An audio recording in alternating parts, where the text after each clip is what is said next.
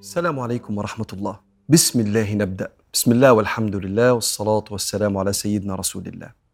كنت بحلم من زمان أنا والفريق إن إحنا نحكي قصة حياة سيدنا محمد عليه الصلاة والسلام. والوقت ده نصيب من ربنا والإذن ده بقدر ربنا سبحانه وتعالى.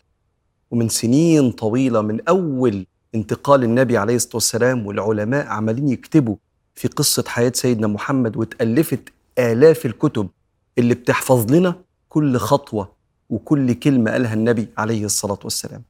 وأنا بتمنى إن أنا أقدم قيمة مضافة في السيرة وفي حكاية حياة سيدنا النبي عليه الصلاة والسلام بما يتناسب مع العصر للكبير والصغير. وأتمنى وأنا بحكي سيرة النبي عليه الصلاة والسلام المرة دي أكون حلقة الوصل ما بين كتب العلماء اللي ممكن في بعضها يكون في بعض الصعوبة في القراءة وأجيالنا الجديدة اللي محتاجة تسمع في كل جوانب حياة النبي عليه الصلاة والسلام كان بيعمل إيه؟ بحيث قبل أي حد مننا قبل ما يتحرك أي حركة يبص على النبي الأول كان بيتصرف إزاي؟ ويتصرف زيه لأن ربنا اللي طلب مننا كده قال لقد كان لكم في رسول الله أسوة حسنة. اللي عايز يعمل حاجة صح يمشي ورا النبي عليه الصلاة والسلام. ربنا اختار لنا للبرنامج اسم نور.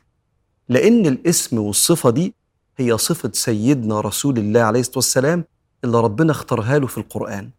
ربنا بيقول في سورة المائدة قد جاءكم من الله نور وكتاب مبين. الكتاب المبين القرآن. أما النور تقريبا إجماع المفسرين عبر التاريخ إنه سيدنا محمد عليه الصلاة والسلام هو النور اللي جه خرج البشرية من ظلمات الجاهلية لأنوار معرفة ربنا سبحانه وتعالى. لأن النور هو العنصر اللي لما يتسلط على حاجة تعرف تشوف حقيقتها. وده اللي النبي عمله معانا عليه الصلاة والسلام ورانا حقيقة كل شيء حقيقة ربنا وحقيقة نفوسنا وحقيقة الدنيا وحقيقة الآخرة وحقيقة الخير وحقيقة الشر. وهو نفسه قبل ما ينتقل للرفيق الأعلى ويروح عند ربنا قال لنا كده قال تركتكم على المحجة البيضاء. ليلها كنهارها سواء لا يزيغ عنها إلا هالك. المحجة يعني الطريق حج يعني قصد مشي في طريق كده. فأنا سايبكم على طريق واضح. الليل بتاعه منور والنهار بتاعه منور.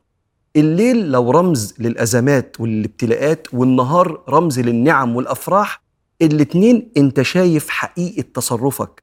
لأنك بصيت على سيدنا النبي في أفراحه وأيامه الصعبة كان بيعمل إيه. وأنا عايز أقول لك على حاجة. عايز أقول لك إن الدنيا كانت مظلمة قبل سيدنا النبي عليه الصلاة والسلام والمسلمين كانوا يقولوا كده. سيدنا جعفر بن أبي طالب يقول كنا قوما أهل جاهلية نعبد الأصنام ونأكل الميتة ونأتي الفواحش ونسيء الجوار ويأكل القوي منا الضعيف. حتى أتانا رسول منا نعرف صدقه ونسبه وأمانته. إحنا كنا ما عندناش إنسانية صفر إنسانية. بعيد جدا عن ربنا. بنعبد أحجار. أنت عندك حاجتين كانوا بيعبدوها الأصنام والأوثان. رب اجعل هذا البلد آمنا واجنبني وبني أن نعبد الأصنام. الأصنام هي الأحجار اللي على شكل كائنات حية إنسان طائر حيوان. والتانية فاجتنبوا الرجس من الأوثان واجتنبوا قول الزور. إيه الأوثان؟ حجارة ملهاش شكل حتة حجر كده مربع ولا مدور ولا مستطيل وكانوا بيسجدوا له. فين العقول؟ عاداتهم اليومية كانوا بيشربوا خمر يمكن زي المية وأكتر. لما اتحرمت الخمر عليهم ودلقوها في الطريق سيدنا أنس بيقول فخرجنا نخوض في الخمر. المدينة غرقت. كان عندهم براميل. سيدنا طلحة قال لسيدنا أنس قم يا أنس أرق الجراب. هات البراميل وادلقها. براميل. من الخمرة. ما كانش عندهم القرش الحلال. لما حبوا يبنوا الكعبة ما عرفوش يكملوا بناية الكعبة لأن أغلب أموالهم من طرق فيها أذية لخلق الله سبحانه وتعالى وكانوا بيخافوا إن هم يحطوا فلوس في بناء الكعبة هم عارفين إنها حرام. يكفي العنصرية الرهيبة إن هم كانوا بيتملكوا الغلابة. فكرة العبيد إن بني آدم يملك إنسان ولا إنسانة لو قتلوا ولا بهدلوا محدش له عنده حاجة لأنه ملكي. ولو بصيت على المرأة في عصور الجاهلية قبل بعثة النبي عليه الصلاة والسلام هتلاقيها بتتقتل أول ما بيخلفوها. وأد البنات وإذا الموءودة سئلت. أو لو عاشت واتجوزت واحد لما يموت بتبقى جزء من ميراثه. فهي جزء من ممتلكاته. لما يموت أهله ياخدوها مع البيت بتاعه والحصان بتاعه ولبسه والمرأة كمان. وينزل القرآن لا يحل لكم أن ترثوا النساء كرها ويكفي أن أقول لك أن كان في حرب قامت بين المشركين قبل بعثة النبي عليه الصلاة والسلام اسمها حرب البسوس ما بين قبيلتين كبار قوي. قبيلة اسمها تغلب وقبيلة اسمها بني شيبان. ليه؟ عشان في جمل اتقتل بتاع واحدة اسمها البسوس بنت منقذ. أربعين سنة تدبيح وقتل علشان جمل اتقتل. جه سيدنا النبي على الأحوال دي فجاء النور اللي بيخرج الناس من الظلمات لأنوار ربنا. ما تستغربش من الضلمة اللي الجاهلية كانت عايشة فيها قبل بعثة سيدنا محمد عليه الصلاة والسلام. أنا ما كلمتكش عن الحياة عند الرومان ولا عند الفرس ولا عند حضارة الهند. اللي كان فيه أكيد أخلاق في الدنيا كلها متبقية عند الناس الطيبين. لكن في قيم كتير ومبادئ اتداس عليها بسبب الغرائز والمصالح والشهوات. لأن البني آدم بيحرك تصرفاته أربع حاجات. إما ربه اللي هو مؤمن بيه وعارف إن ربنا أراد لنا مصلحتنا فبيخضع لأوامر ربنا فاللي بيحركه ربنا. أو اللي بيحركه قيمه اللي متبقية جوه قلبه اللي ربنا خلقها في الفطرة جوانا كلنا. أو بيحركه مصالحه الشخصية وغرائزه وشهواته.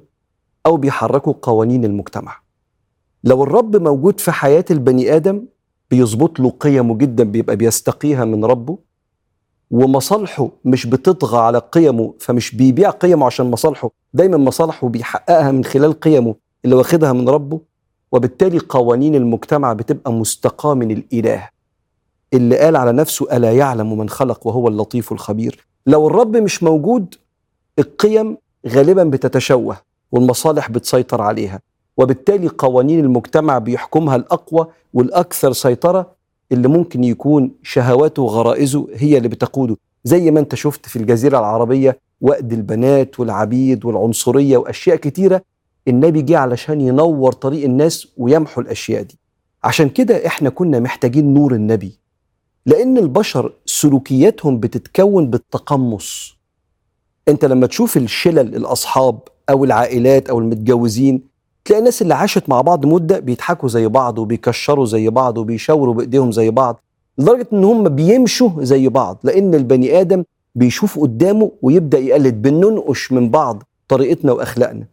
فكان لازم ربنا يبعت لنا إنسان زينا بشر مش ملك إنسان يربيه ويعلمه ويزكيه ويقول لنا هو ده المعيار. اعملوا زيه لقد كان لكم في رسول الله أسوة حسنة. ونبدأ إحنا نتسابق في أخلاقنا وشخصياتنا ونفسيتنا وروحنا نقرب من المعيار ده من الأسوة ده.